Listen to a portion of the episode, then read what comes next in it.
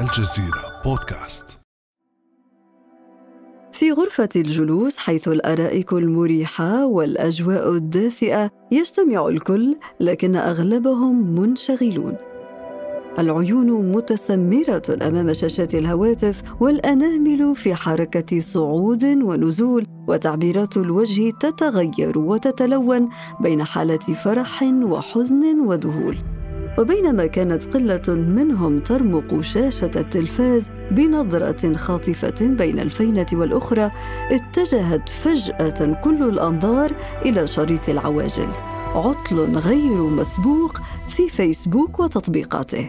العطل الذي أصاب فيسبوك وإنستغرام وواتساب هيمنة على اهتمام رواد منصات التواصل الاجتماعي وتصدر قائمة ترند حول العالم. العطل الأكبر الذي ضرب موقع فيسبوك عملاق التواصل الاجتماعي. على إثر ذلك تصدر هاشتاج فيسبوك down أو عطل فيسبوك تصدر قائمة التداول العالمية على تويتر.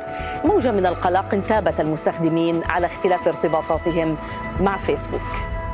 اجتمع كل من في غرفة الجلوس حول التلفاز لمتابعة الحدث دون هواتف في مشهد غير مألوف منذ سنوات.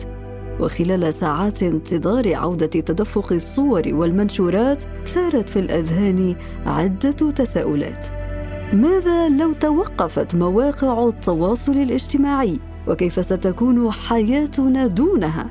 وهل مواقع التواصل الاجتماعي ضرورة أم إدمان؟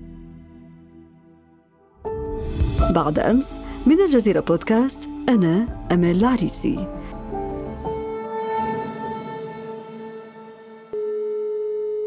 ويسعدني أن تنضم إلينا في هذه الحلقة الأستاذة شفاء عبيد الأخصائية النفسية. أهلا وسهلا بك أستاذة شفاء.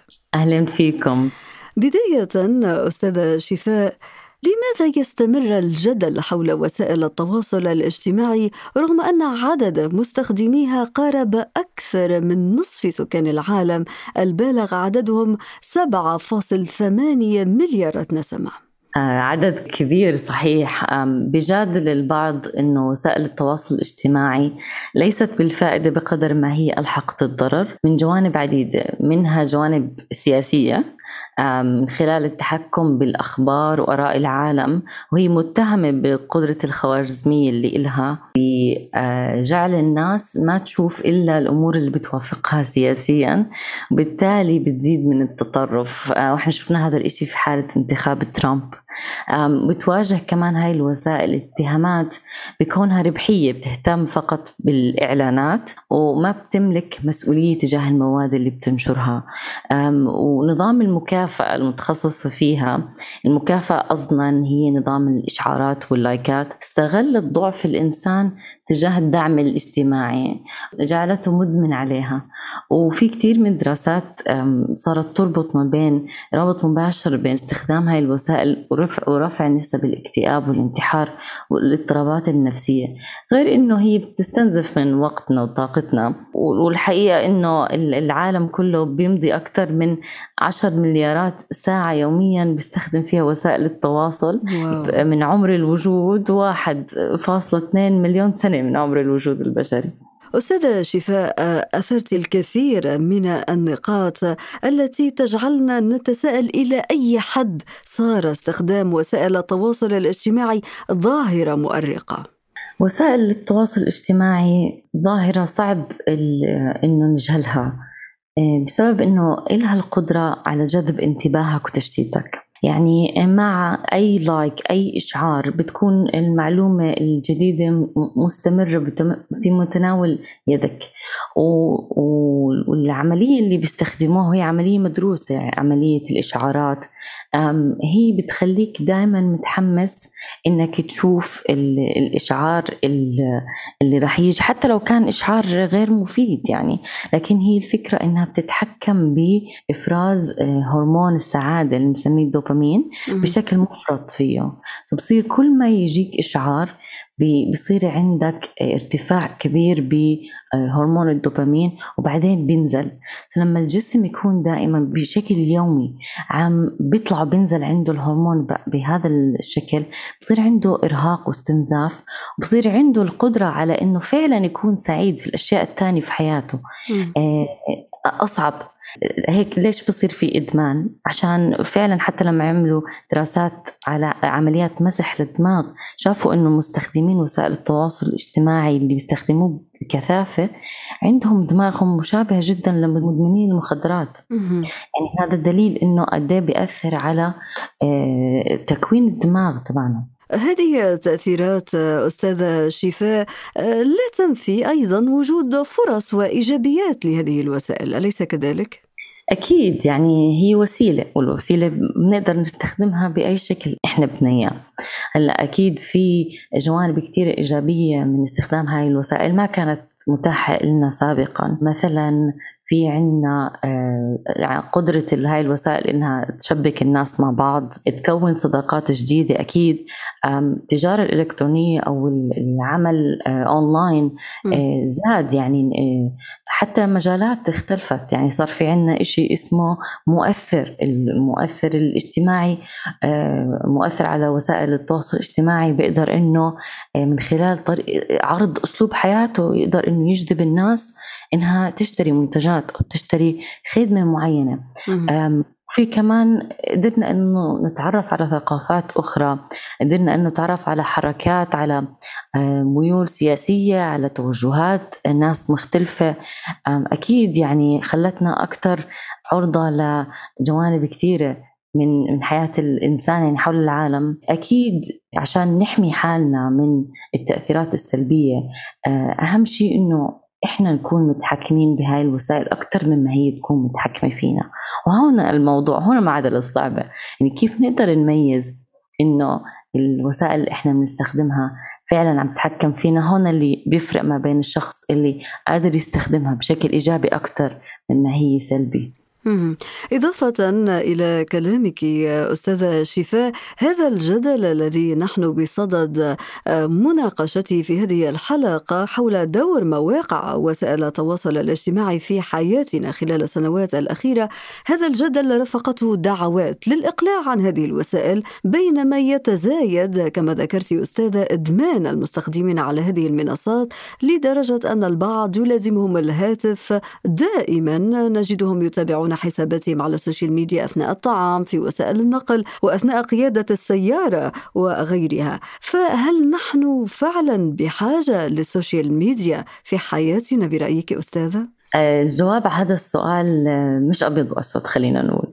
يعني في ناس ممكن هم بحاجة لل social media عشان يقدروا يسوقوا منتجاتهم عشان يقدروا إنهم يوصلوا للناس عشان يقدروا إنهم يكسبوا عيش يعني. مم. وفي ناس بحاجة لل social media بالذات المراهقين يعني اللي إيه للأسف إحنا عندنا ظاهرة جدا كبيرة مع وجود طبعا الإغلاقات من بعد انتشار فيروس كوفيد. عم بيستعينوا 100% علاقاتهم الشخصية كلها مبنية على ال social media إحنا ما بنقدر إنه نبعد الطفل أو المراهق عن كل وسائله الاجتماعية فجأة لما ما يكون عنده وسائل بديلة. فإحنا هل إحنا بحاجة لل social media؟ أتوقع إنه جواب هذا السؤال بيرجع للمستخدم. يعني ممكن في ناس بيحتاجوا لعمله الخاص. يعني أنا من الناس اللي بستخدم الإنستغرام عشان أوعي الناس عن مواضيع الصحة النفسية. وكانت هاي الوسيلة اللي خلتني أوصل لناس ما تخيلت إني أوصل لناس من كل أنحاء العالم. فعلا إنها تفتح نطاق كتير كبير. هلأ ممكن إنه عشان نعرف شو الجوانب اللي ممكن نتخلى عنها وشو الجوانب اللي آه، نحافظ عليها نحتاج إنه إحنا نرجع التحكم بالتطبيق أو الوسائل هذه لإلنا يعني م. مثلا إذا عندي عم بتابع مؤثرين آه، بتابع أسلوب حياتهم آه، لكن بشكل مبالغ فيه أو ما عم بشعر لما أتابعهم إنه عم بشعر إنه أنا طريقة حياتي عم بيلهمني طريقة حياتهم عشان أنا أغير طريقة حياتي مثلا. عم بحس حالي إنه أنا أقل مستوى عم بحس حالي إنه أنا عم بقارن علاقاتي وحياتي بعلاقة بحياة المؤثرين مثلا. نقدر إنه نحضر هاي الحسابات نقدر نخفف من نسبة تعرضنا إلها. وفي إشعارات ممكن إنه تتحكم تساعدنا نتحكم بهذا الشيء. كمان عدد الساعات اللي إحنا نستغرقها هذه الوسائل نقدر نتحكم فيها آه، من خلال سيتنجز أو تطبيقات معينة تقدر إنه تعطينا آه، فكرة عن كم ساعة بنستغرق إحنا هاي الوسائل وتغلقها لما نوصل لعدد ساعات معينة. ولو أنه أستاذة شفاء هو قرار التخلي عن هذه الوسائل في الحقيقة هو كما ذكرتي قرار صعب لأنه ممكن المستخدم يقرر أنه يتخلى في لحظة ما لكن أصدقائه الموجودين على شبكات التواصل الاجتماعي مضطر يتابعهم ويسمع أخبارهم.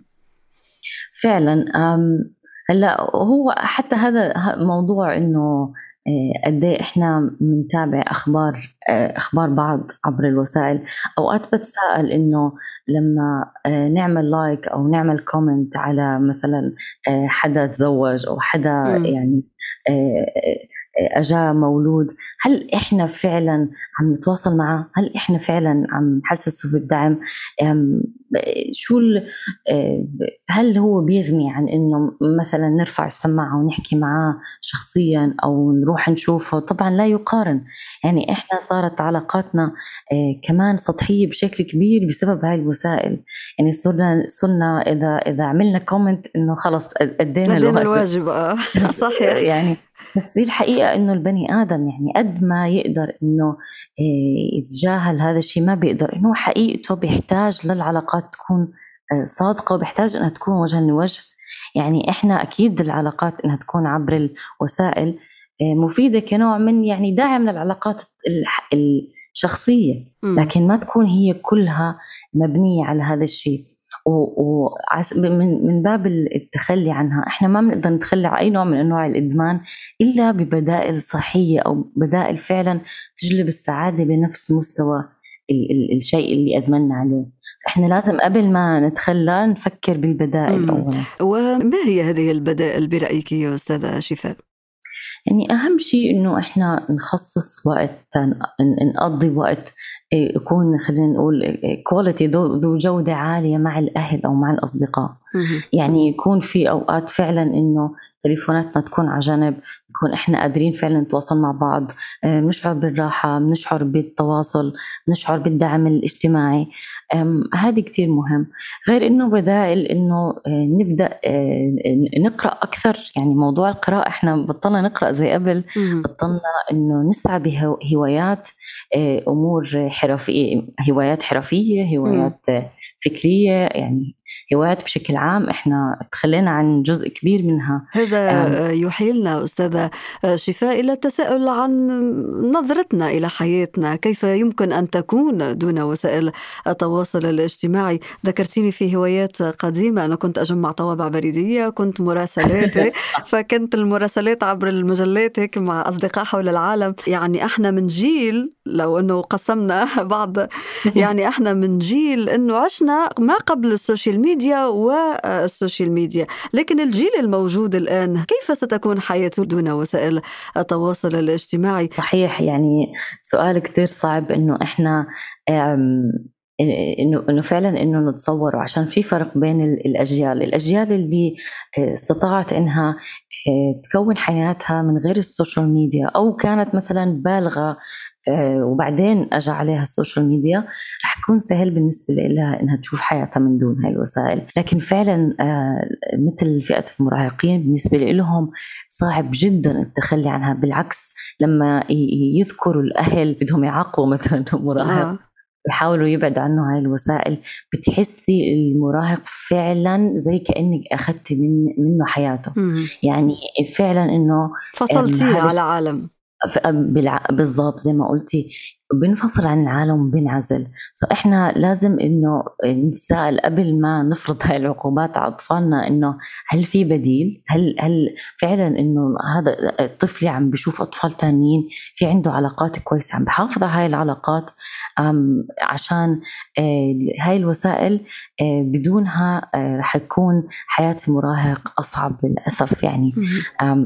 هو بيحتاج وعي بيحتاج إنه حدا يدعمه بكيف إنه يتحكم بهاي الوسائل أكثر هلأ بتخيل إنه بشكل عام إذا تخلينا عن هاي الوسائل أكيد حالات التشتت اللي إحنا بنمر فيها والإنزعاج من كثرة الأخبار وكثرة الإشعارات هاي بتساعد دماغنا رح يهدى شوي. م. يعني رح نقدر إنه نركز أكثر في ناس كثير عم بتقول إنه هلأ هي مش قادرة إنها تركز بشغلها بأي شيء يعني بالقراءة بأي شيء بيحتاج منها تركيز على مدى على المدى الطويل. غير إنه بتصير أنت متحكم في حياتك هاي وسائل التواصل هي بتراقب حياتك بشكل أو بآخر. بتراقب اهتماماتك بتراقب حياتك بتتحكم فيك. زي لما إحنا نتخلى عنها أكيد بنقدر أكثر إنه يكون في لنا حياة خاصة بعيدا عن الأضواء. بنبطل نشعر إنه إحنا لازم إنه نشرك المتابعين بكل تفاصيل حياتنا. غير إنه ظواهر التنمر الإلكتروني بتخف. وبنقدر إنه نستمتع في في أوقات معينة آه، صنع الهوايات آه، يعني هذه كتير مهم. يعني نحتاج إنه آه، نكون في عنا هاي العلاقات. بشكل مستمر وهي من احتياجاتنا الأساسية كبني آدمين يعني. يعني إجمالا أستاذة شفاء هي المعادلة صعبة بين التخلي عن ال social media وبين البحث عن بدائل أيضا. يبقى الحل الوسط هنا هو محاولة ترشيد استخدام هذه الوسائل وهذا الخيار يمنحهم فسحة من الوقت للعيش بشكل طبيعي آه، بعيدا عن السوشيال ميديا. وصخبها كما يقال. صحيح هذا اقتراح آه، كثير بشجع عليه إنه نأخذ فترة break بعيدا عن ال social media. ممكن تكون فترات معينة في اليوم. يعني ال social media إنكم تشيكوها مثلا بوقت الظهر لكن تنتظروا لآخر الليل تتشيكوا أو آه، خلص بصير في روتين معين لاستخدام ال social media مثل الدوام. يعني بيكون في أوقات معينة. برضه كل المنصات المتاحة في منصات كثير هلا أنا مش شرط إنه أشترك بكلها. يعني لازم أسأل حالي إنه أنا شو بستفيد من كل منصة وشو آه، وشو الضرر اللي بيلتحق علي من كل منصة. يعني آه، أنا وزوجي ما ما صرنا زمان كنا طلعنا من آه، بطلنا نستخدم الإنستغرام بشكل خاص وقعدنا هيك فترة نفكر إنه إحنا فعلا شو بنستفيد؟ غير الفيديوهات هاي السريعة اللي بتضحكنا شوي بعدين خلاص. يعني هو الواحد فعلا يعني ممكن إنه يستفيد بشكل أكبر وهو بس عم بيلتهي وعم بحس الوقت بمر كتير سريع. سو إحنا قررنا إنه ننسحب من هذا الجانب الإنستغرام لكن بنستخدم طبعا واتساب يعني حساباتنا على الفيسبوك مفتوحة لكنها غير فعالة. لكن يعني بنقرر شو هي الوسائل اللي بتناسب أسلوب حياتنا مش العكس مش الوسائل هي اللي بتقرر أسلوب حياتي. الأستاذة شفاء عبيد الأخصائية النفسية شكرا جزيلا لك على كل هذه المعلومات المفيدة والمهمة. شكرا لكم يعطيكم العافية. كان هذا بعد أمس.